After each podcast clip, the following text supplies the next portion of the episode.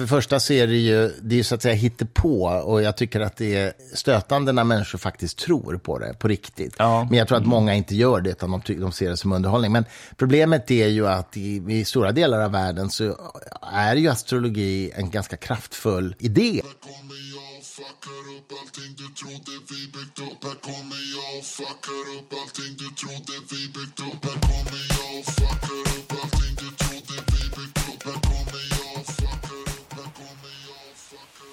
Hej och välkomna till podcasten Om och Men, där vi reder ut det ni tycker är krångligt och krånglar till det ni trodde redan var utrett. Med mig, Vincent Flink Amlenäs. Och med mig Beatrice Erkers. Och det här avsnittet, hörni, har vi med oss en gäst för första gången i poddens historia. Christer Sturmark, välkommen till podcasten Om och Men. Tack så mycket. Eh, Men eh, det är kanske du som ska säga välkommen till oss egentligen.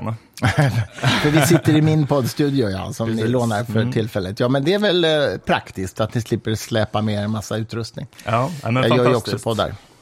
Fantastiskt att vi kunde komma hit till din fina studio. Mm, utmärkt. Jag tänkte bara, för lyssnare, säkert många som redan känner till dig, men en, en kort introduktion kanske är på sin plats.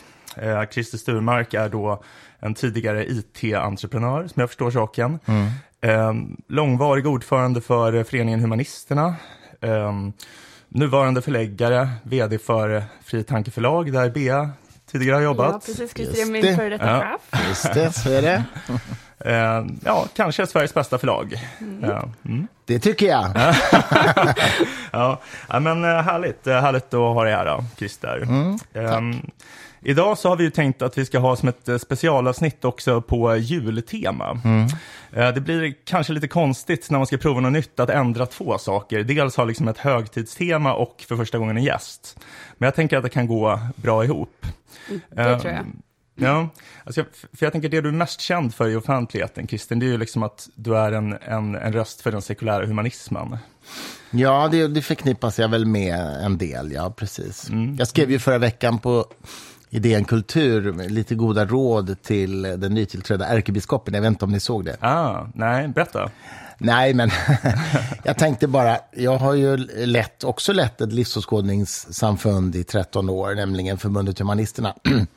Och eh, klev jag av det uppdraget för fem år sedan ungefär. Och eh, nu tillträdde ju han som, som ledare för ett något större livsåskådningssamfund, nämligen Svenska kyrkan.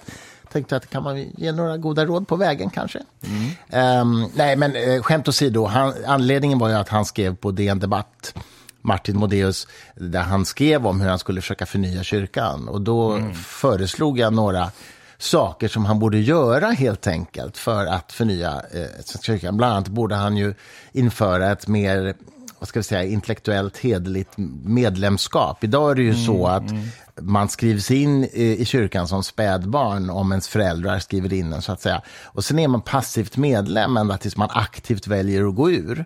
Så får man ju inte göra i några andra kommersiella sammanhang. Jag kan, jag kan ju inte skicka till exempel tidskriften Sans som jag är mm, chefredaktör för. Jag kan inte skicka den till dig och säga nu är du prenumerant om du inte kryssar i här, nej tack. Så får ju inte jag göra, utan jag måste skicka den till dig och säga om du kryssar i ja tack, då blir du prenumerant. Så gör ju inte Svenska kyrkan, utan eh, man är ju liksom medlem tills man går ur.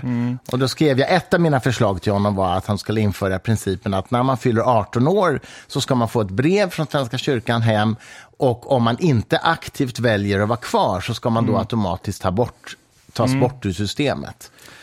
Det låter ju onekligen mer rättvist. Jag kan Ja. eh, samtidigt misstänka att det är en reform som skulle kosta dem väldigt mycket att införa med tanke på den stora eh, kyrkoskatten som betalas till dem och de som kanske i själva verket inte vill vara med men inte orkar Ja, gå kyrkoskatt finns inte i Sverige, men det finns en medlemsavgift Ja. eh, som eh, samlats in, som Skatteverket hjälper dem att samla in. Det var ett annat av mina förslag till honom, nämligen Svenska kyrkan särbehandlas ju idag genom att man, kyrkan gratis får hjälp av Skatteverket att samla in sin medlemsavgift via deklarationen. Eh, Förbundet Humanisterna till exempel får inte i den hjälpen av Skatteverket, även om de skulle vilja. Så det är ju en diskriminering i detta. Men du har helt rätt i att eh, det gjordes någon opinionsundersökning för några år sedan där man frågade folk på gatan så att säga. Skulle du gå med i, och bli medlem i Svenska Mm. kyrkan aktivt i vuxen ålder, och det var tror jag 25 procent ungefär som skulle göra det. Mm. Så införde man den här reformen, då skulle kanske medlemsantalet vara ungefär 25 procent. Och det är ju det rimliga helt enkelt. De som verkligen vill vara med i kyrkan ska ju Mm. Ja, vara det såklart. Vad är medlemsantalet nu då? Eller procenten? 6 miljoner tror jag. Ja, nej, det, ja vad är det? Så 60 procent kanske. Ja, Mm. ja.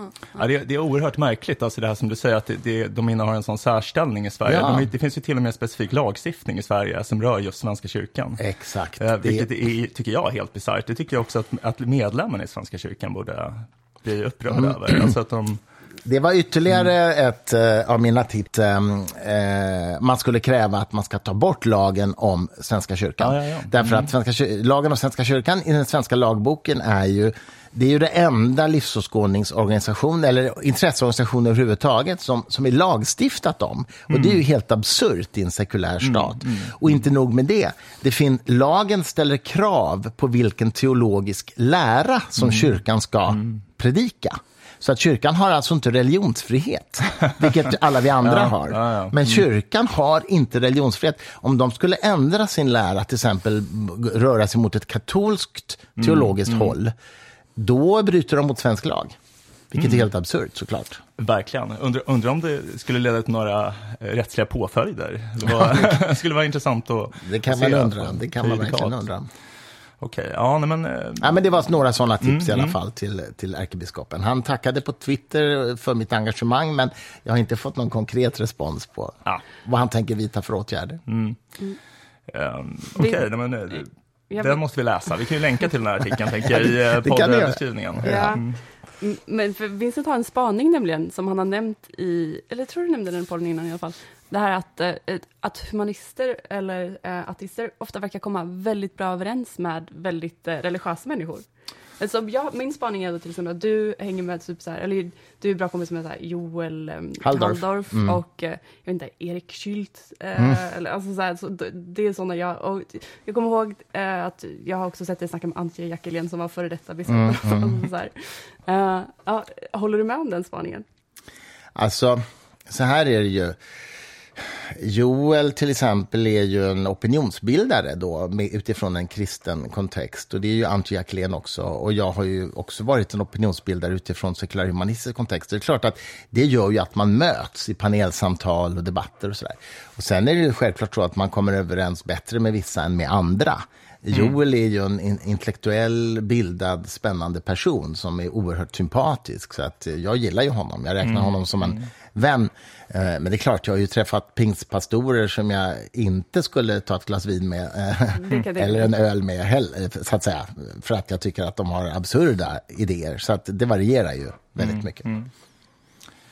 Ja, men det, det är intressant det Bea säger, för att jag, jag, jag tror jag nämnt i något tidigare avsnitt att jag under en kort period för några år sedan eh, skrev litteraturkritik för Signum, katolska kyrkans kulturtidskrift. Mm, det är bra tidning, jag prenumererar på den. Är det sant? Ja, vad roligt. Eh, jag recenserade bland annat flera av, av Fri Tankes böcker. Eh, och jag har fått reda på via en av de på redaktionen då att det förlag vars böcker recenseras i största utsträckning är just Fri Tanke. Ja, det, det var ju intressant, det visste jag inte. Vad tror du att det beror på? Nej, men jag tror, alltså, så här, om vi ska vara lite seriösa så är det ju så att Fri Tankes profil eh, i, som förlag är ju att vi ger ut väldigt mycket vad, vad jag kallar för existentiell vetenskap. Och, och med, med, med det menar jag naturvetenskap som, som, har någon, som har en bäring på vad det innebär att vara människa. så att säga. Va? Vi gör inte så mycket böcker om jordbruksvetenskap eller den typen av vetenskap. Det är också vetenskap såklart, men den typen av vetenskap vi gör är ju sånt som säger någonting om var vi kommer ifrån, var vi är på väg, vad det innebär att vara människa. Till exempel neurovetenskap, evolutionsbiologi, eh, kosmologi, teoretisk fysik. Vi har just, ut, just gett ut en bok som handlar om hur man har försökt tolka kvantfysiken under 1900-talet. Olika tolkningsförsök och sådär. Som ju är, ja, kvantfysiken är ju ett mysterium fortfarande på många sätt. Kort sagt, vi ger ut, vet, vi ger ut böcker som har liksom en exist, existentiell klang. Va? De är fortfarande vetenskapliga, men det har en existentiell klang. Och det naturligtvis, i någon vid mening, är ju besläktat med vad religionerna för, försöker göra. De försöker också ge svar på existentiella frågor. Sen tycker jag då som sekulärhumanist att deras svar är fel i, i många fall. Eh, men det är en annan sak. Det, intresset är gemensamt, men vi kommer fram till olika svar. Det tror jag är förklaringen. Precis Till att. Signum recenserar oss så mycket, menar jag. Just det, alltså, det, ni, alltså Fri Tanke befattar sig med uh, eviga frågor, Ja, vilket exakt. även religiösa gör. Exakt. Ni kommer fram till olika svar, men, Du sa det mycket bättre än vad jag gjorde, Ja, men det det var precis det jag menade. men, men, men inte nog med att ni kommer fram till olika svar, det verkar också som att själva arbetsmetoden är väsensskild, eller? Att det, Ja, i vissa fall. Å andra sidan finns det ju framstående vetenskapsmän och kvinnor som, som har en teologisk grund, eller som är troende, eller vad man vill. Eller, Alltså gudstroende. Ehm, jag tror ju överhuvudtaget att religionen har historiskt sett spelat en roll för vetenskapens framväxt i den mån att, att eh, teologisk uppfattning är ju att verkligheten är åtminstone i princip begriplig därför att den är skapad av en intelligens, tror man ju om man är religiös.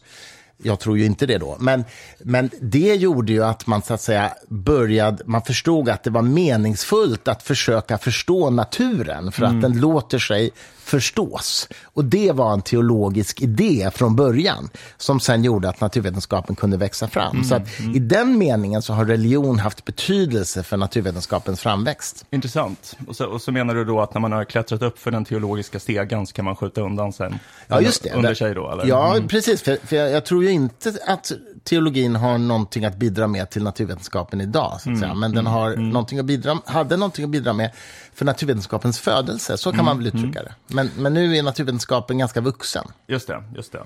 Blivit myndig. Blivit myndig i alla fall. Ja. En, en annan grej som jag tänkte på um, är att jag uppfattar Fri Tankes um, publicistiska verksamhet som att man mycket strävar efter att ge nya vinklar på saker som kanske har diskuterats tidigare. Man, uh, um, man ifrågasätter för givet tagna sanningar på ett sätt. Alltså in, innan vi började spela in så, så berättade jag att jag arbetar inom missbruksvården och uh, du tog upp den här frågan om um, hallucinogena substanser och man skulle kunna använda det inom, inom missbruksvården eller inom psykiatrin mer brett. Och det tänker jag är liksom en, någon form av ifrågasättande av förgivartagande, eh, förgivartagna sanningen om att det finns en skarp uppdelning mellan narkotika och läkemedel. Kanske lite, och jag tänker att ehm, man står lite utanför den här liksom, implicita ideologin och att även religiösa gör det. Så att man blir liksom lite in, alltså så här, intresserad av andra som också ifrågasätter. Skulle du kunna... Jo, men det, det ligger nog någonting i det. Alltså, Fri Tanke är ju idag inte längre ett litet förlag faktiskt. Vi gör 40 böcker om året ungefär. Och man kan säga att när vi började var vi mer utstuderat naturvetenskapligt förlag. Nu är vi ju mer än så. Vi är ett allmänt facklitterärt förlag. Vi vilar egentligen på tre huvudben. Det ena är naturvetenskap, det andra är filosofi, litteratur och det tredje är ju vad man kallar för current affairs, alltså sa- samhällsaktuella, samhällets brännande frågor. Sådär, va? Vi gav ju till exempel ut Martin Krags bok om Ryssland och Just det, Putin nu just det. som som jag tror än så länge är Sveriges mest sålda fackbok i år. Mm. Ehm, eh, och det har ju ingenting med naturvetenskap att göra, men, men, men det har att göra med liksom samtidens brännande frågor. Och där har vi också gett ut böcker som har uppfattats som kontroversiella. Vi gav ut en bok som, som pläderar för att legalisera dödshjälp till exempel. Mm. Vi gav ut eh, genusdoktrinen när vi var Arpi, som ju eh, somliga skulle uppfatta som en som en antifeministisk eh, attityd. Och så har vi gett ut Kate Mans, Duktig flicka, som, eh, som eh, av andra uppfattas som radikalfeminist. Så att, säga. Så att vi vill ju spänna över hela spektrat. Vi tar inte ställning i de här frågorna, men det är ju brännande frågor i vår samtid. Va? Det enda vi tar ställning för, det är liksom upplysnings, upplysningstraditionens grundvärden. Vi kommer inte ge ut en bok som pläderar för astrologi eller homeopati eller liksom pseudovetenskap och sådär. Det, det gör vi inte. För vi samarbetar ju nära med Kungliga Vetenskapsakademin och sådär, och Nobel och så, så att vi har ju höga krav på, på vetenskaplig korrekthet och saklighet. Så att säga. Det var, det är kul. Alla de böckerna du nämnde nu tror jag vi har nämnt tidigare i podden. För vi har haft avsnitt om dödshjälp och feminism och ja, lite så. Strålande. Ja, absolut. Gratis reklam. Ja, ja, men det är jättebra. Det är jättebra. Ja.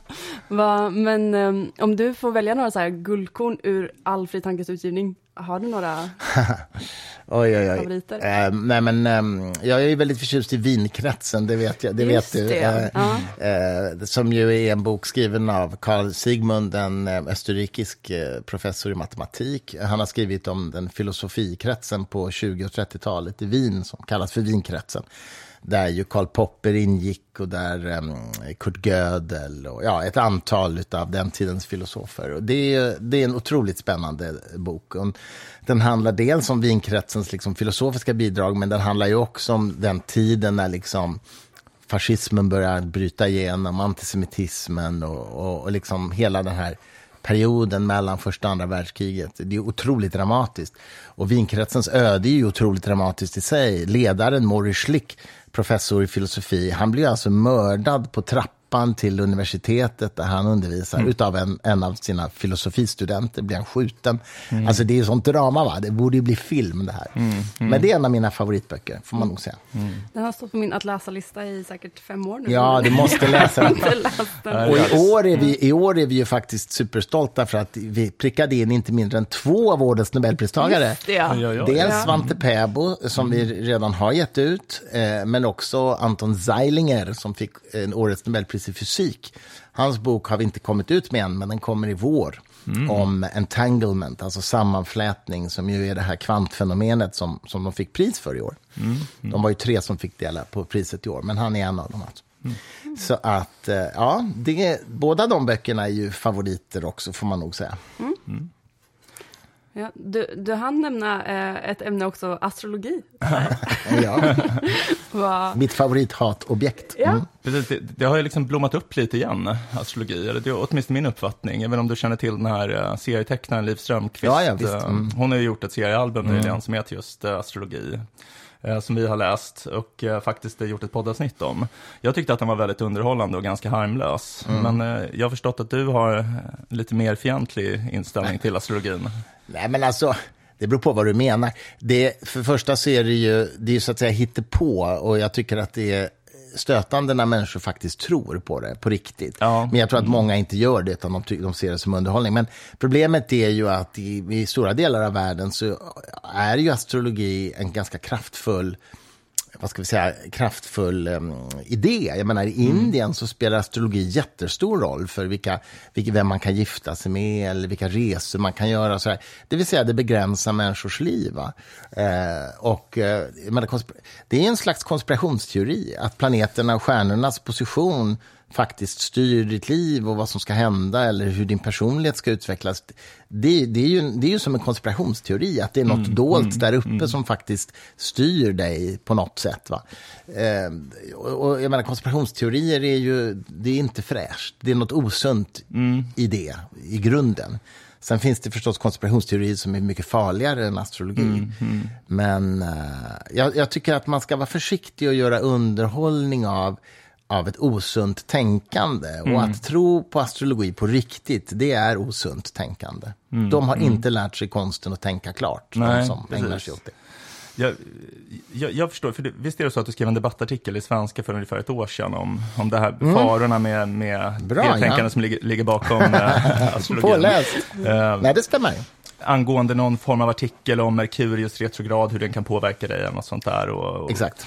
eh, Som, som jag förstår det då så är det inte i första hand att du tycker att det är jättefarligt med just astrologi, Nej. men om man vänjer sig vid att lita på den typen av slutledningar så leder Exakt. det till... eh, Precis så är det. En, en, mer, en mer, vad heter det, i tiden närliggande artikel på samma tema, det var den som jag skrev nu när Sverige fick en andre vice talman som är kreationist, det. Ju, ju, eh, Julia Kronlid.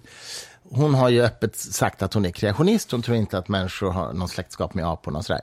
Och hon är nu Sveriges andra vice talman. Och det skrev jag om på DN Kultur för eh, någon månad sedan. Och då är det naturligtvis så att det faktumet att hon inte tror på evolutionen, det, det i sig är ju inte farligt för hennes politiska gärning.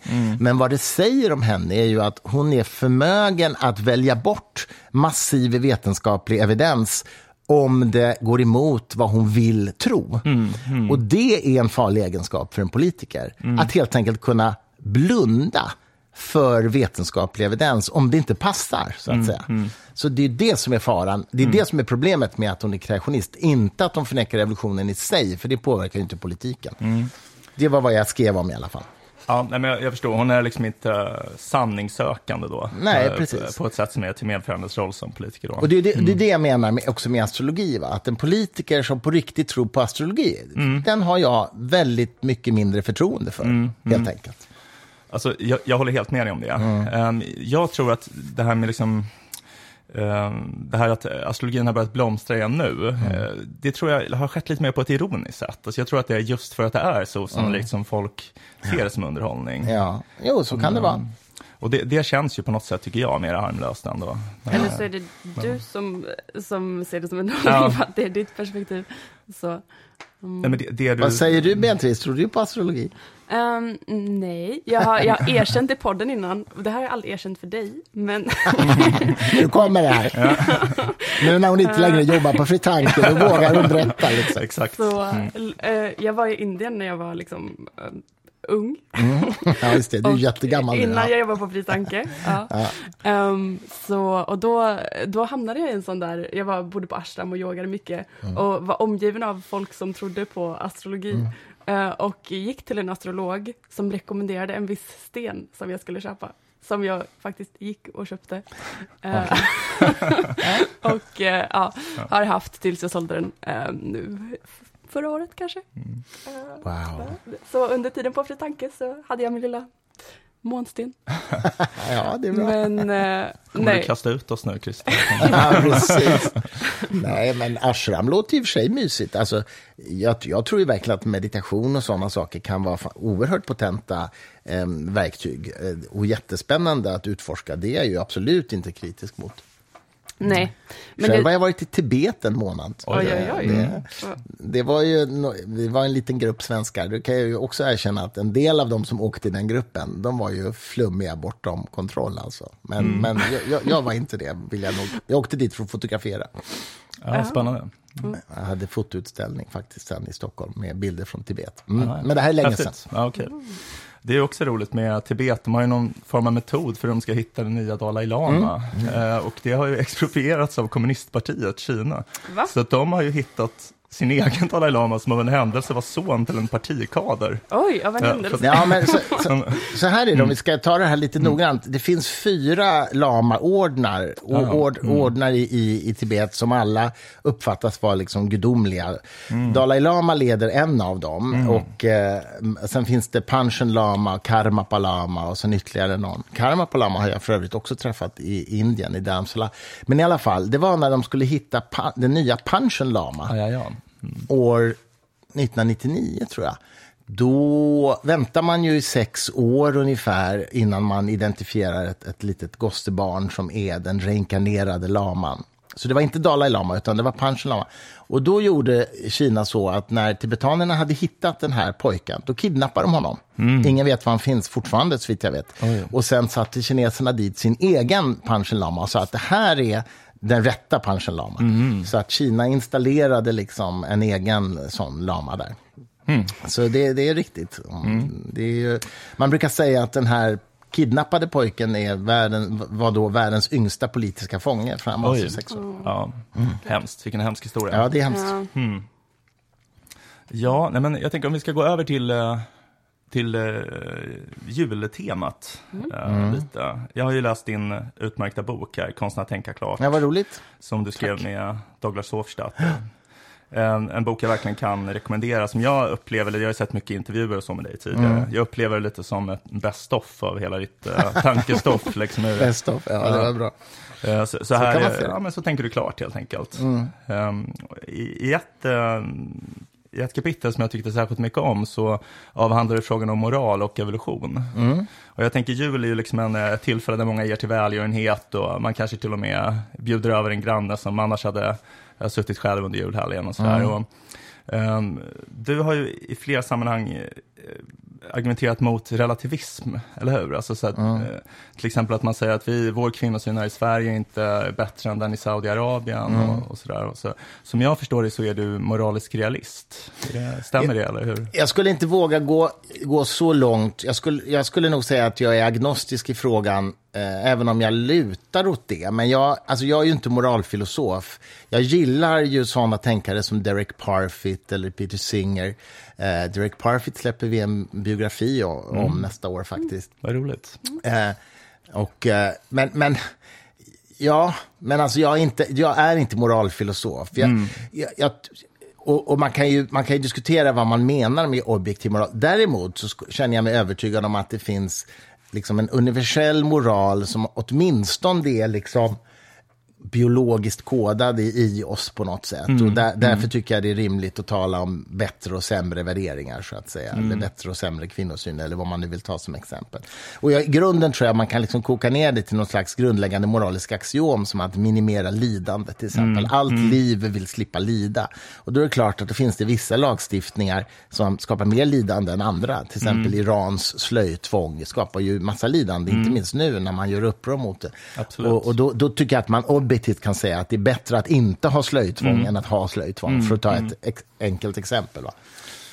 Men, men den metafysiska frågan om objektiv moral, den, där är jag nog ag liksom agnostisk. Jag, jag vet inte. Ja, Okej, intressant. Så, att, så, okej, så om jag förstår det rätt, då, så är du, du är övertygad om att eh, vi människor har evolverat fram vissa moraliska övertygelser. Som är universella, ja. Men du är osäker på om de reflekterar en objektiv sanning. Ja, i någon metafysisk mening. Ja, det, det, det, får, det får man nog säga. Jag ligger närmare att vara eh, realist när det gäller matematiken i och för sig. Men det är också ett ämne som jag liksom kan bättre. Jag är ju matematiker i botten.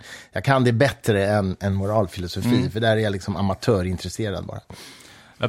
Jag, tänkte faktiskt komma in på det, för jag har eh, hört i någon annan podd, någon som pratade om dig, som beskrev dig som en matematisk platonist. Ja, jo, men, eller realist, det är samma sak. Ska Ja. jag, säga. Jag, jag tror att man... Jag tror, jag tror att matematiska objekt äger någon form av ontologisk liksom, sta, existens, eh, status, om man så säger. Och det, det hänger ihop med att, ta till exempel primtal. Primtal, själva definitionen är ju ett, ett heltal som inte är delbart med något annat än sig själv och ett. Och eh, jag tänker att de måste vara på det viset i hela universum. Det går liksom inte att tänka sig att primtal kan vara på ett annat sätt någon annanstans. Och i den, i den meningen så är de inte kontingenta, så att säga. De är nödvändiga. Och, och det tycker jag i, i någon mening ger dem en slags ontologisk status ändå. Sen är de ju naturligtvis inte, existerar ju inte i någon fysisk mening såklart. Men idén som sådan kan inte vara på något annat sätt. Nej, nej. Och det, då tycker jag att man kan säga att den finns. Jag håller med. Eh, Sen är det ju så att alla matematiska system är ju mänskliga konstruktioner. Man kan ju bygga en icke-euklidisk geometri till exempel, som har, där parallellaxiomet inte gäller. Och då kommer man fram till andra teorem, så att säga. Men Gödel, som är en av mina favoritmatematiker, han visade ju med sitt ofullständighetsteorem att, att sanning inte är samma sak som bevisbarhet. Sanning är någonting... Han visade ju att det finns sanna satser som inte är bevisbara. Det vill säga, sanning är inte samma sak som att någonting är bevisbart. Det Just det, tycker jag är kittlande. Ja, men visst, visst. Vad, hur, hur sannolikt det är, tror du att det är då? Att eh, den här med Max Tegmarks teorier om typ det matematiska universumet och allt det, följer ju den inflationsteorin hela vägen? Nej, det där, jag, det, nej, jag tror att det finns en objektiv verklighet som är fysikalisk. Så att säga. Jag, jag tror att han går lite för långt där. Det är en spännande tanke, men eh, nej, jag följer inte honom hela vägen. Det är en tröstande tanke ifall vi fuckar upp den här, det här parallella universat, så finns det många Ja, en backup. Ja. Exakt. Mm, Ja, det, det kommer jag aldrig få veta om det gör det dock. Så att, eh, Tyvärr. förvisso. Ja. Men, eh, men okej, du, du, du nämnde att du är matematiker i grunden. ja, jag, jag, jag läste teoretisk datavetenskap i Uppsala, men det är väldigt mycket matematik, så det är en slags matematisk utbildning. Ja. Eh, Jag har läst att du eh, från början avsåg att börja forska om artificiell intelligens. ja, det var målet, men jag var en sån där dropout som hoppade av sista året. Ja, jag förstår. Eh, B och jag är medlemmar i en organisation som heter Effektiv Altruism. Och där finns det gott om eh, människor som är väldigt oroliga över hur den artificiella intelligensen har utvecklats de senaste åren och eh, förutser globala eh, katastrofer då, till följd av den här utvecklingen. Hur ser du på utvecklingen? Ja, alltså jag tycker verkligen man ska ta det där på allvar. Jag tror ju att det principiellt är möjligt att maskiner kan bli medvetna eh, någon gång. Eh, framförallt så tror jag att vi, för, så här, AI kommer orsaka en massa andra problem än det eh, av olika sorter De kommer användas liksom i krigföring och så där på ett sätt som kommer vara jättefarligt. Det kommer också användas till en massa bra grejer, inte, minst inom, inte minst inom medicinen, eh, läkekonsten. Men eh, men, och AI kommer också att kunna simulera medveten intelligens på ett sätt som gör det omöjligt att skilja från verklig, verkligt medvetna varelser. Och det kommer, det kommer maskinerna kunna göra långt innan de själva blir medvetna, vilket innebär att när de väl blir det så kommer vi inte veta om det. För vi kommer redan ha varit lurade av maskiner som verkar medvetna, så att säga. Och det innebär att själva övergången till när de verkligen blir medvetna, det kommer vi inte veta. Och det är en lite skrämmande tanke. Så att det, jag tror att det finns en potentiell risk i det här. Har du experimenterat någonting med den nya ChatGPT? Ja, ja, visst. OpenAI? Otroligt. Alltså, ja, otroligt. jag blev ju chockad. Det, jag, förra avsnittet pratade jag med Vincent om att jag gått omkring och varit rädd typ, sen dess. För det var första liksom, det jag kände, Ja. nu är den här. Och den verkligen så, den kommer ju, det är uppenbart att folk kommer förlora jobbet på grund av Ja, ja, att ja, den visst. existerar. Inte minst journalistik kommer produceras med det där. Verkligen. Och studenter kommer att göra fusktentor och allt möjligt, uppsatser. Ja, men så, så är det ju. va. Eh, men alltså, jag tror så här, att om man, alltså, om man inte är... Om man inte har en dualistisk syn på medvetandet eh, eller liksom religiös syn, att medvetandet är givet av, av Gud, och så här, då måste man acceptera att maskiner skulle kunna bli medvetna någon gång. Eh, För att varför skulle medvetande bara kunna uppstå i biologiska ämnen, så att säga? va? Ehm, Det, det, det, är liksom, det finns inget rimligt skäl till varför det skulle vara så. Va- mm. Jag har aldrig riktigt förstått det här med panpsykism och grejer, men jag vet att ni har gett ut en bok om det på Fri Tanke bland annat. Mm. Ehm, är det, kopplar det till det här på något sätt? Eller liksom, Ja, panpsykism är ju idén att medvetandet... En, det är en hypotes om medvetande som säger att medvetandet kanske är en primitiv, en egenskap i materien självt. Alltså ungefär som elektrisk laddning eller något sånt där. Va? Och att det kanske är liksom en egenskap i materien som vi ännu inte känner till vetenskapligt, men som finns där och som under vissa omständigheter liksom kan manifestera sig som ett medvetande som vi ser. Va? Och eh, ja, det är ju en teori som ändå tas på allvar bland medvetande filosofer. Jag tror inte på den personligen. Ehm, och hu- huvudskälet till det är egentligen, dels finns det ingen evidens för det, men det, man kan, det är ju ändå en teori som är värd att pröva. Eller hypotes snarare kanske man ska säga. Men huvudskälet till att jag inte är panpsykist, det är för att jag tycker inte att det ger något förklaringsvärde.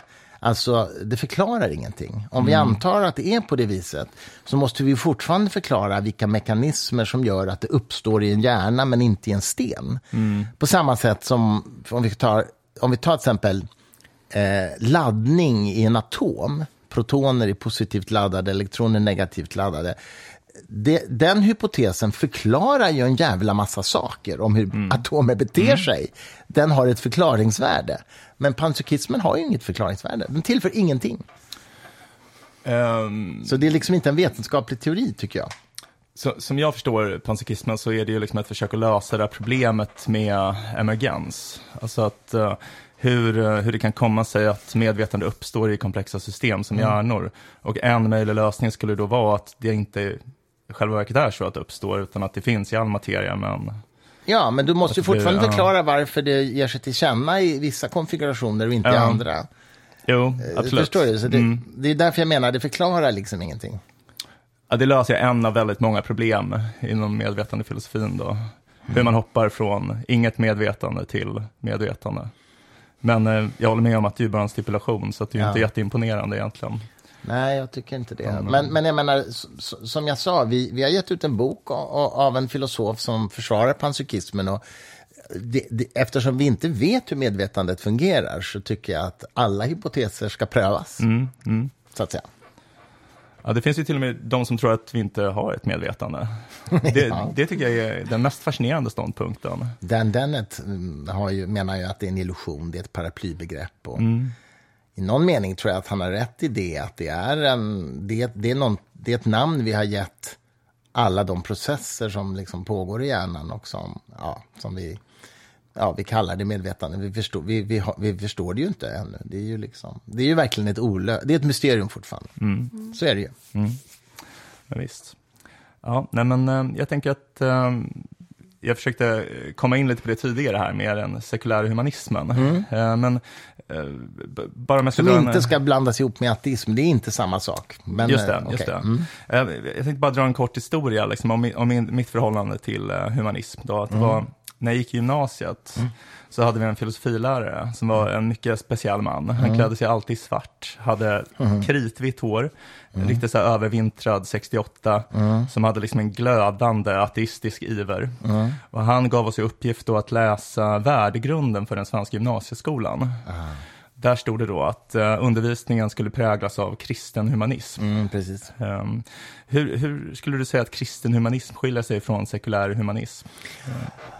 Ja, då, ska, då måste man nog börja i en annan ände och säga att ordet humanism på svenska har ju åt, åtminstone tre olika betydelser. Dels kan man ju vara humanist i den meningen att man har läst konsthistoria, litteraturhistoria till exempel på universitetet, till skillnad från teknik så att säga. Ehm, eller så kan man vara humanist i betydelsen att man har ett allmänt engagemang för mänskliga rättigheter och så. Det kan man ju ha om man är kristen eller muslim eller vad som helst. Det finns till och med en förening som heter Föreningen för kristen humanism i Sverige. Eller så finns det då den tredje betydelsen som är den sekulära humanismen, som är namnet på en livsåskådning. Eh, på engelska så finns inte de här sammanblandningarna. Om en engelsktalande person säger I'm a humanist så menar man sekulär humanist, alltså i betydelsen livsåskådningshumanism. Sen kan man ju vara litteraturvetare också och engagerad. Alltså så här, så I den meningen så kan man ju vara all, alla tre sorterna. Ehm, men eh, kort sagt, sekulär humanism är ju en, en livsåskådning som vilar på dels en filosofisk deskriptiv grund och en normativ, en värdegrund. Och den deskriptiva grunden är ju naturalistisk. Alltså världen är naturlig och inte övernaturlig. Den styrs av naturliga krafter som åtminstone principiellt går att beskriva vetenskapligt. Och det är ju skillnaden mot kristen humanism eftersom kristen humanism antar ju en övernaturlig dimension i tillvaron. Antar att det finns någon slags gudsbegrepp som har skapat världen eller som gör något i alla fall. Eh, o- oklart vad, och det är olika beroende på vilken kristen typ man är. Så att säga. Men, och det skiljer sig från sekulär humanism som har en naturalistisk verklighetsuppfattning.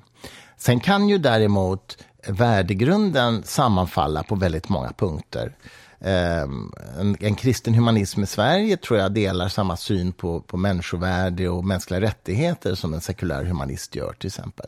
Men om du går till en kristen församling i Uganda så kommer det skilja sig oerhört mycket. De vill, en, det finns kristna församlingar i Uganda som vill införa dödsstraff för homosexuella till exempel.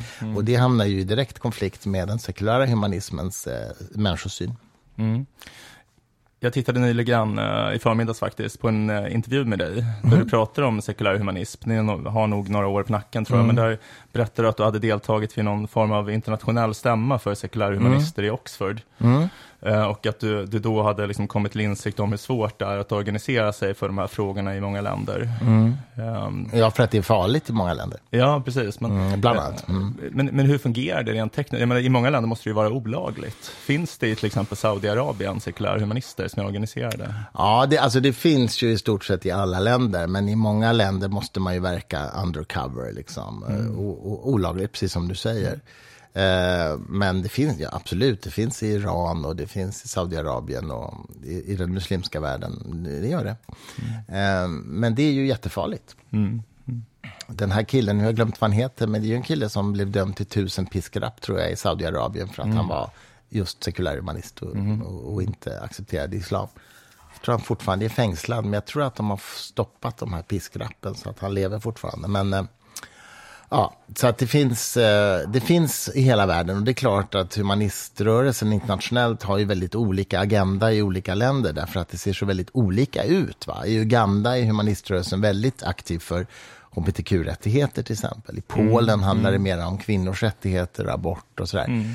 I USA så är humaniströrelsen snarare ett, en, en, jag ska säga, en motkraft mot den kristna högern och mot kreationism och sånt där. Så det är väldigt olika. I Indien så driver humaniströrelsen skolor för kastlösa barn till exempel. Plus att man försöker folkbilda och förklara att såna här gurus som tar betalt för att beskydda byar och sånt, att, att de faktiskt inte är magiska män, utan man behöver inte betala dem. Så det, det är väldigt, ser väldigt olika ut. Men det är en internationell rörelse, humaniströrelsen. Mm. Så ganska många olika arbetsområden, men, Ja, ja, men delvis då påverkar politiken, eller kanske snarare se till att religiösa samfund inte påverkar politiken då? Eller? Ja, det intressanta är också att humaniströrelsen i vissa fall samarbetar med religiösa organisationer. Till exempel i EU så samarbetar humaniströrelsen med eh, en organisation som heter Catholics for a Free Choice som värnar en liberal abortlagstiftning. Så den här katolska organisationen går alltså emot påven och Vatikanen. Nu tror jag att den nuvarande påven börjar ju är ju mer progressiv än någonsin, höll jag på att säga, än de någonsin har varit hans företrädare.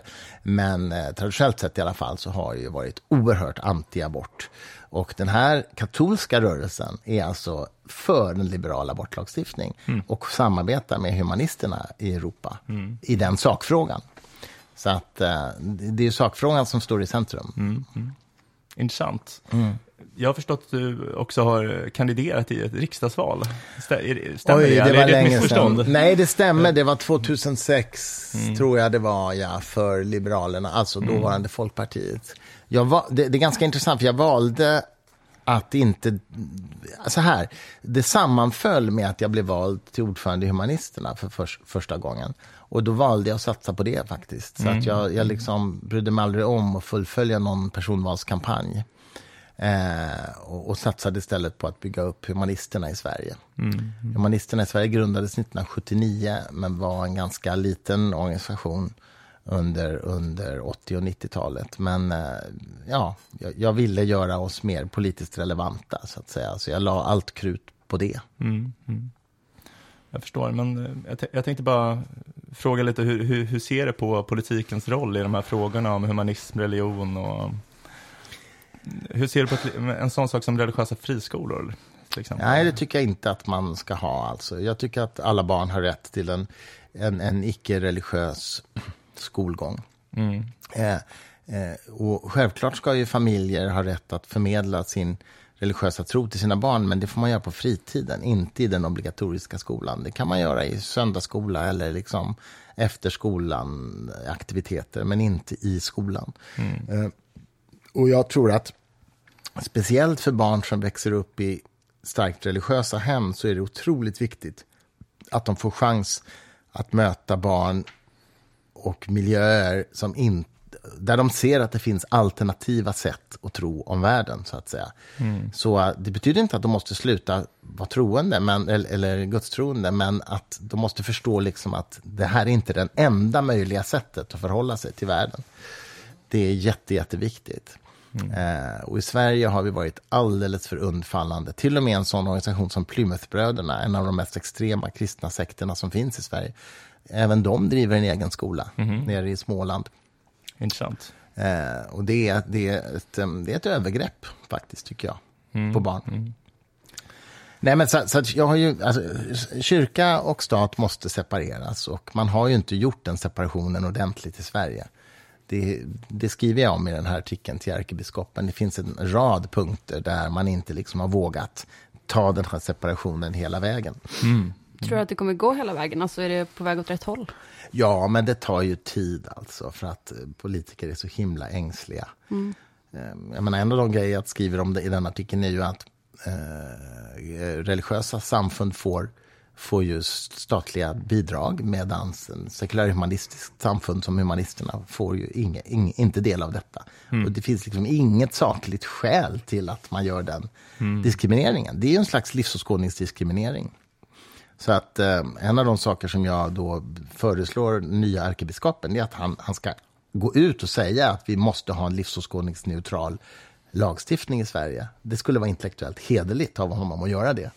Får vi se om han gör det. Men, Mm, ja, det får vi verkligen se. men sen är det viktigt, jag vill bara säga det, väldigt många människor tror att sekulärhumanism och ateism är synonymt. Och det är det ju alltså inte. Va? Därför att att vara, att, att vara ateist bet- betyder bara att man har en uppfattning i en enskild sakfråga, nämligen frågan om Guds existens. Man tror att Gud inte existerar. Men sekulär humanism är liksom en hel livsåskådning. Det är en värdegrund och ett filosofiskt förhållningssätt till världen. Däremot är det så att om du är sekulär humanist, då tror du på en naturalistisk verklighet. Då är du också ateist. Det följer så att säga ur det. Men du kan ju vara ateist utan att vara sekulär humanist. Till exempel Josef Stalin. Till exempel, ja, Ja, precis. Ja, jag menar, visst. Eller, ja, precis. Så att du kan ju ha vilka uppfattningar som helst om andra saker än just Gud. Du kan ju tro på reinkarnation och vara ateist. Du kan tro på spöken och astrologi och vad du vill. Men eh, som sekulärhumanist så har man en speciell syn på kunskap och vad som är giltig väg till kunskap. Och då sorterar man bort pseudovetenskap, så att säga. Men en ateist kan tro på vad, allt utom just Gud. Hur, nå, någonting jag har tänkt på mycket eh, på sistone är eh, scientism. Det är liksom en, en anklagelse som ofta slungas mot en om man, om man säger att man är intresserad av eh, naturvetenskap och att man liksom strävar efter att ha någon form av eh, vetenskapligt informerad världsbild. Ehm, men, men så har jag börjat tänka på eh, om det egentligen finns någon scientism, alltså i någon värdefull bemärkelse. Finns det någon eh, definition som kan liksom peka på någonting reellt, något riktigt problem? Och, och då har jag tänkt att en form av scientism skulle kunna vara att man börjar betrakta liksom naturvetenskapen och den naturvetenskapliga estetiken på ett nästan religiöst sätt. Att Man tycker att den är på något sätt helig. Eh, och det här tror jag att, att det ändå finns lite av ett problem med. Man ska inte, öv, man ska inte dra för stora växlar på det heller. Alltså. Men framförallt kanske bland människor som inte jobbar med det här på allvar. Utan ehm, ja, men, till exempel personer som jag har träffat på grundkurser i teoretisk filosofi eller sådär som inte har någon erfarenhet av naturvetenskap men som har, ja, men som du pratade om tidigare, att man har en preferens för vissa åsikter. Så man har kanske en, en preferens för en åsikt som leder till att eh, bara naturvetenskapliga undersökningsmetoder leder till sann kunskap. Eh, som till exempel, ja men menar jag, jag, jag är då moralisk realist, apropå det vi pratade om tidigare. Så att jag, jag tror att många ehm, omfattar moralisk antirealism av scientistiska skäl. För att man säger att om jag omfattar den åsikten, då är det som att jag signalerar att bara naturvetenskaplig kunskap eh, kan Mm, kan vara fast. Jag, jag menar, det kan ju finnas massor av legitima skäl vara antirealist också, jag menar inte alls så. Men, ehm, tror du att det finns en sån fara med liksom, ett sånt religiöst förhållande? Ja, men jag, tror, jag, jag håller med dig i att jag, jag tycker själva begreppet scientism är liksom det är ganska oklart vad det egentligen står för. Och det används ju oftast av kritiker, alltså som ett skällsord lite grann. Ehm, vad, sk- vad skulle det betyda egentligen? Alltså jag, jag är nog scientist i den bemärkelsen att jag tror att alla empiriska frågor om verklighetens natur, ehm, eh, alltså fysik, k- vad heter det, materia, energi och så vidare. Jag tror att de är principiellt förklarbara med naturvetenskapliga förklaringsmodeller. Det betyder ju inte att vi kommer att lyckas förklara allting, men vi, principiellt skulle det gå att förklara. I den meningen är jag scientist. Men sen är det ju en väldig massa frågor som inte är naturvetenskapliga frågor till att börja med och som naturligtvis då inte kan ha några naturvetenskapliga svar. Konst, estetik, eh, ja, whatever. Eh, dessutom så tror jag att det finns em, olika abstraktionsnivåer där man kan säga att om du ska diskutera liksom psykologiska fenomen till exempel, så måste du göra det i psykologiska termer. Det är liksom meningslöst att diskutera dem i fysikaliska termer. Eh, det är liksom fel abstraktionsnivå. Så i den meningen så tror jag att det räcker inte med ett naturvetenskapligt språk för att kunna tala om, om, de, om de fenomen som existerar i vår värld. Så, att säga. så räcker inte naturvetenskapen. Men jag tror att inom naturvetenskapen så tror jag att allt är principiellt förklarbart. Alltså alla naturvetenskapliga frågor är principiellt förklarbara utav naturvetenskapen. Men Eh, mm. Så det beror på vad man menar med Ja, men visst, scientism, kort sagt. det gör det. Ja. Eh, nej men okej, så om jag förstår det rätt då så menar du att liksom, eh, allting går att reducera eh, i princip men inte praktiskt för tillfället då? Ja, alla naturvetenskapliga frågor, eh, empiriska naturvetenskapliga frågor, tror jag går att reducera till till, för, eller går att förklara kan man snarare säga. Men, Men att- däremot, finns det, däremot så finns det fenomen som är på en annan abstraktionsnivå och som det blir meningslöst att försöka reducera till en underliggande nivå. Som skönhet till exempel. Till exempel, ja. Mm, Ja. mm. Men vad tror du om det här David Deutschs teori om att det finns objektiv skönhet? Typ att det är, Ja. blommor är objektivt vackra för att de försöker attrahera bin, alltså över artgränser och sånt. Ja, jag är agnostisk i den frågan också. Det skulle mycket väl kunna vara så. Mm. Uh, framförallt, så- once again, frågan är ju vad det har för metafysisk status, men jag kan definitivt tänka mig att det är biologiskt hårdkodat, att vissa saker uppfattas som vackra och andra inte. Det kan jag tänka mig. Mm, det håller jag nog med om. Mm. Och, eh, ja, nej. Va, jag tänkte att vi skulle gå tillbaka till det eh, existentiella i ehm, hur du, liksom, du är så extremt passionerad kring alla de här frågorna om sekulär humanism och um, ja, men framförallt det och vetenskap. Helt Mm. enkelt som ju en, jag skulle säga en del av den världssynen. Mm. Men har du haft någon existentiell kris någon gång eller existentiell ångest? Liksom hur, hur har du blivit en som passionerad talesperson för de här frågorna? Ja, men, eh, men kanske kris kanske jag inte, kanske inte haft på det sättet. Men när jag var barn, och, när jag var barn så var jag väldigt fascinerad av parapsykologi och såna saker. Jag tänkte verkligen, drömde om det här. Tänk om man kan flytta föremål med tankekraft till exempel. Jag tyckte det var otroligt fascinerande. Och liksom, du vet, Uri Geller och sånt där. Idag vet vi ju att Uri Geller var en bluffmakare. Men när jag var barn så presenterades han ju som en person med övernaturliga krafter. Och eh, jag ville verkligen att det skulle vara sant. Liksom. Jag ville verkligen det. Och det var nog en del av min liksom, intellektuella mognadsprocess att börja känna så här, jag kan inte tro på det här bara för att jag skulle vilja att det var sant. Jag måste liksom vara intellektuellt hedlig mot mig själv. Och det var nog en, det var liksom en process när jag till slut gav upp drömmen, önskan att det här skulle vara sant. Mm. Men det var ju ingen kris, det, det är ju jättelöjligt. Men, men det är i alla, i alla fall en förändring i mitt förhållningssätt till verkligheten. Där jag lät liksom förnuftet vinna över mitt önsketänkande. Var det någon särskild tänkare eller intellektuell eller någonting som påverkade dig i den övergången? Kanske Bertrand Russell. Jag läste hans memoarer när jag var 15 år och tyckte att han var en häftig gubbe. Så att han var både filosof men också aktivist, sådär, liksom ut och t- Ja, passionerat debatterade olika saker. Jag tyckte det var ganska coolt. Så det, Ja. ja, han påverkar mig. Men verkligen. Va, har du några sådana intellektuella hjältar genom åren? Nej, men han är väl en av dem. Ku- Kurt Gödel, en annan matematikern Gödel, som jag tycker var... Han var ju också en rätt... Han var ju psykiskt inte helt frisk. Så att det är väl inget, inget um, eftersträvansvärt kanske. Men han var ju en fantastisk tänkare. En, en nutida filosof som jag gillar, det är ju Anthony Grayling. Du var väl med och träffade honom, eller var Just du inte det, A.C. Grayling. A.C. Grayling. Ja. Mm. Han är ju en underbar person, liksom, som jag har haft många roliga diskussioner med. Men han är, är mer filosofihistoriker typ? Ja, än, han är eh, professor i filosofi, men han har ju skrivit... Vi har just gett ut en stor biografi, eller förlåt, en stor his, ja, filosofins historia helt enkelt har vi just gett ut av honom. Eh, som för, heltäckande sådär. Ungefär som Russells Västerlandets filosofi, fast han försöker vara mer globalt, täcka även indisk och ja, kinesisk filosofi och sådär. Vi kan tipsa lyssnarna om eh, Christer har gjort en utmärkt intervju med AC Grayling i Ja. sin egen podd, eh, Fri Tankes podcast som den heter. Ja, precis. Fri tankepodden.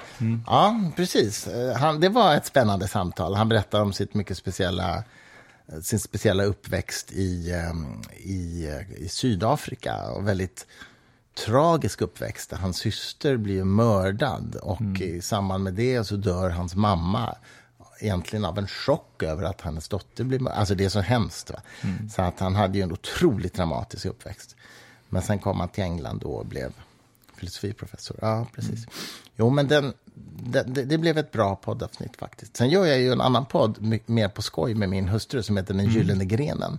Ja, ja. Där vi, eh, hon är konst, eh, konst och litteraturmänniska, skriver skönlitteratur och sådär. Och där pratar vi om ja, allt mellan himmel och jord som faller oss in. Det ska förresten bli en talkshow som vi ska göra på Cirkus i vår. Wow. En live talkshow ska, ska vi, vi göra tillsammans inför publik med gäster och sådär. Har det något att göra med mytforskning eller är det bara... Nej, hon är väldigt intresserad av arketyper och Jungs eh, ja, myter, alltså, vad ska vi säga, historieberättande som, som skönlitterär form och sådär. Eh, så det kommer nog att bli en del sånt också. Men vi kommer att ha olika teman och olika gäster, vi får se. Mm, intressant. Har ni valt ut några teman redan? Ja, vi har första premiärtalkshowen blir den 12 februari på Cirkusrestaurangen. Det är alltså på den lilla scenen i, i, i den här. Och så blir det blir den, den goda och den onda människan. Det handlar just om vad är godhet och ondska? Är det något metafysiskt eller är det biologiskt? Eller i vilken mån kan vi styra över det och, och sådär. Och då har vi David Turfjell som gäst, eh, religionshistoriker. Nina Hemmingsson, författare och serietecknare. Och vi har Isabella Lundgren, jazzsångerska. Och eh, filosofiintresserad jazzsångerska som gäster. Sen kommer vi ha AI och medvetandet eh, gången därpå. Så det blir, ja, Det får man inte missa. det får man inte missa. På Cirkus eh, premiär den 12 februari alltså. Just det, Den gyllene grenen. precis. Eh, Spännande. Jag tänker eh, så här, det här är ju ändå ett julavsnitt, även om jag måste ifrågasätta hur mycket julstoff vi har haft med i det avsnittet. Ja, kanske inte så mycket än. Eh, Men, men jag tänker liksom, hur ska, man, eh, hur ska man förhålla sig till faktumet att det är en religiös eh, högtid? Har du några tips från coachen här, Christer? Nej, men alltså, för det första har vi firat jul i Sverige långt innan Sverige blev kristnat. Det var ju en, en tradition, hednisk tradition innan. Men jag tycker det alltså jag, vi firar jul. Jag har en 13-årig son som tycker det är mysigt. Liksom. Man, man, så här, man kan fira jul utan religiösa konnotationer, det är inga problem. Det finns ändå anledning liksom att håll- upprätthålla en sån tradition, tycker jag. Verkligen.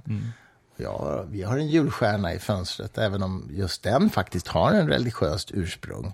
Eh, men det är vackert, det är mysigt. Det är liksom. eh, men, men julfirandet som helhet är, är ju förkristet. Julblot och så, så det går ju långt tillbaks. Långt innan kristendomen kom hit. Så du ser på Kalanka men skippar julottan? Ja, nej, ja, ja, ja julottan skippar jag garanterat. Jag kanske också kalanka ärligt talat. Så Jag vet inte, vi får se. jag, jag tycker att det är intressant på något sätt med dig, för att jag uppfattar det som att du är väldigt intresserad av ja, men, filosofi, historia, traditioner och liksom hur eh, samhällen har utformats historiskt. Sådär. För att jag tänker människor som är eh, tongivande ateister, min upplevelse åtminstone är att de ofta har... Sekulärhumanist, ja.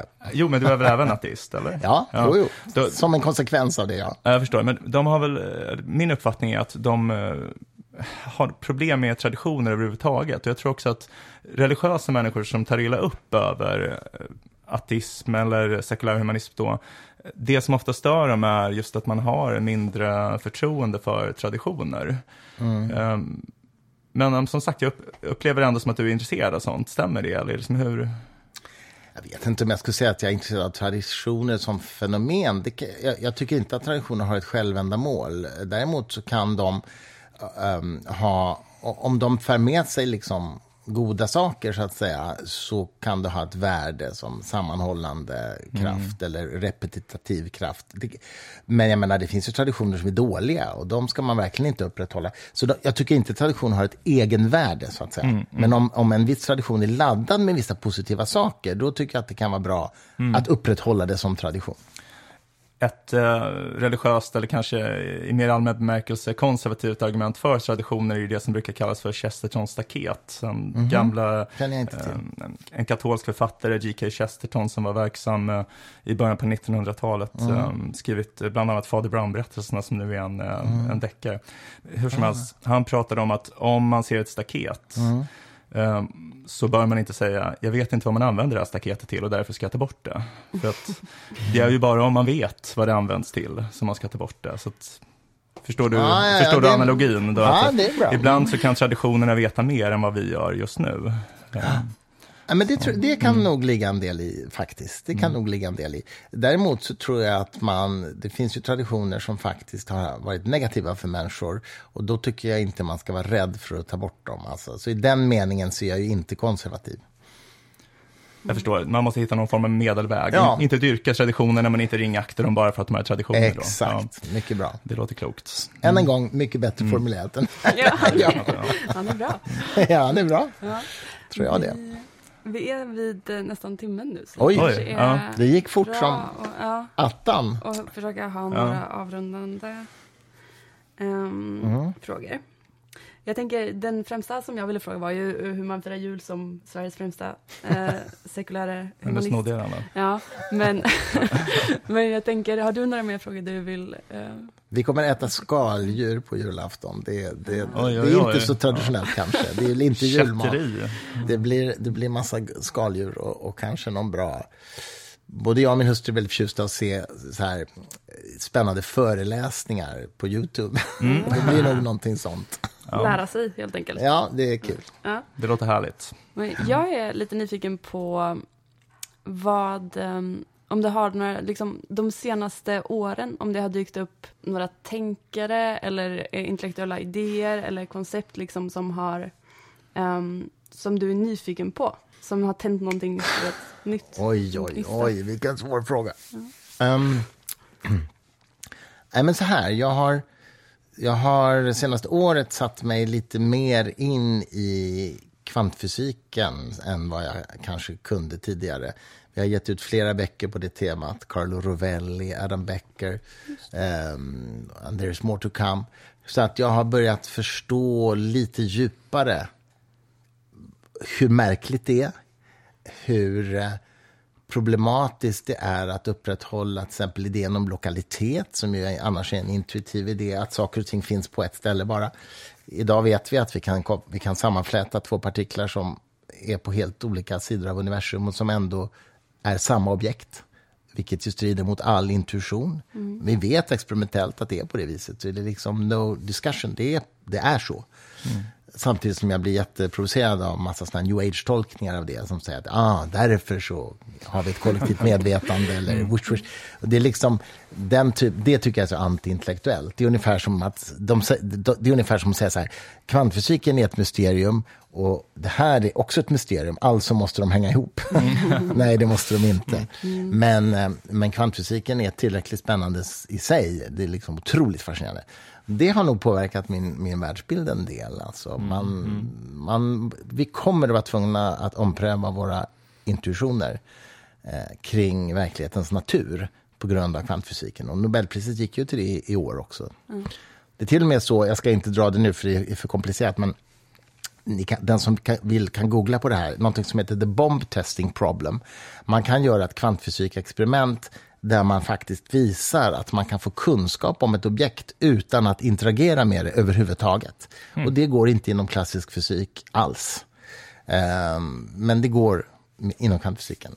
Googla på the bomb testing problem, säger jag. Ja, det låter intressant. Så, att, okej, så kvantfysiken är, är det som på senaste tiden har Ja, påverkat? det tycker jag är jättespännande faktiskt. Och det kommer att ge praktiska kvantdatorer är ju på väg nu. Just det. eh, Som hänger ihop med det här. Det kommer ge spännande tillämpningar i framtiden tror jag. Så det är nästa stora existentiella eh, vetenskapsfråga. Ja, jo, men det Kanske tror jag. det. Det, där finns det otroligt mycket kvar att hämta. Och framför allt att förstå, som vi inte förstår idag. Är det det den här boken Helgoland handlar om? Ja. Heter det så? Ja. Det är Carlo Rovellis senaste bok som vi precis har släppt på svenska. Den handlar om detta. Och ännu mer kvantfysikens idéhistoria i, i, övergripande har vi också släppt en bok som handlar om och den heter Vad är verkligt? heter boken, av Adam Becker, en fysiker och vetenskapsjournalist i USA. Där han berättar om liksom hela kvantfysikens, hela 1900-talets kvantfysiksutveckling och försöken att förstå vad det säger om verkligheten. Otroligt intressant faktiskt. Du har väl lite läsning att ta itu med under julhelgen då, kanske? Det var, är det några utgivningar man ska ha koll på nästa år? Alltså det är så mycket. Vi har precis släppt um, Zelenskis bok nu, eh, Ukrainas president. Det är ju årets julklapp. Alla pengar går till Läkare utan gränser och deras verksamhet i Ukraina. Så vi på Fri Tanke kommer inte känna spänn på den boken nu. Vi skänker allt. Alla, allt överskott på den boken går dit. Men ja, nej, det är så, det är så Gå till fritanke.se. Jag, kan inte ens- jag kan inte komma på en enda titel nu bara för att du säger så här. För vi hade ju sej- sejlingar och grejer. Ja, just det. Anton Ja. Seilinger's bok kommer ju till, till... eh, Och vi kommer ut med Walter Isaacsons stora biografi om Elon Musk. Oj, oj, oj. Det ja, blir- Kontroversiellt. Det blir, ja, han är ju väldigt kontroversiell, men det är ju en av vår tids stora entreprenörer. Sen kan man ju tycka att han är galen, men det, det kan man ju tycka om man vill. Lite både och. Lite både och, geni och galen, som Steve Jobs var. Ja, men visst. visst. Mm. Okej, men Christer Sturmark, vi får eh, tacka dig så hemskt mycket för att du ställde upp som vår podcasts första gäst här. En stor ära för oss. att, eh, Jättekul! Tack själva och god jul! Ja, god jul, gott nytt år. Eh, Då så, Eh, med de orden så avslutar vi det här eh, podcastavsnittet av Om och Men, podden där vi reder ut det ni tycker är krångligt och kanske också passar på att krångla till det ni trodde redan var utrett. Nästa vecka kommer vi prata om någonting helt sjukt. Snyggt.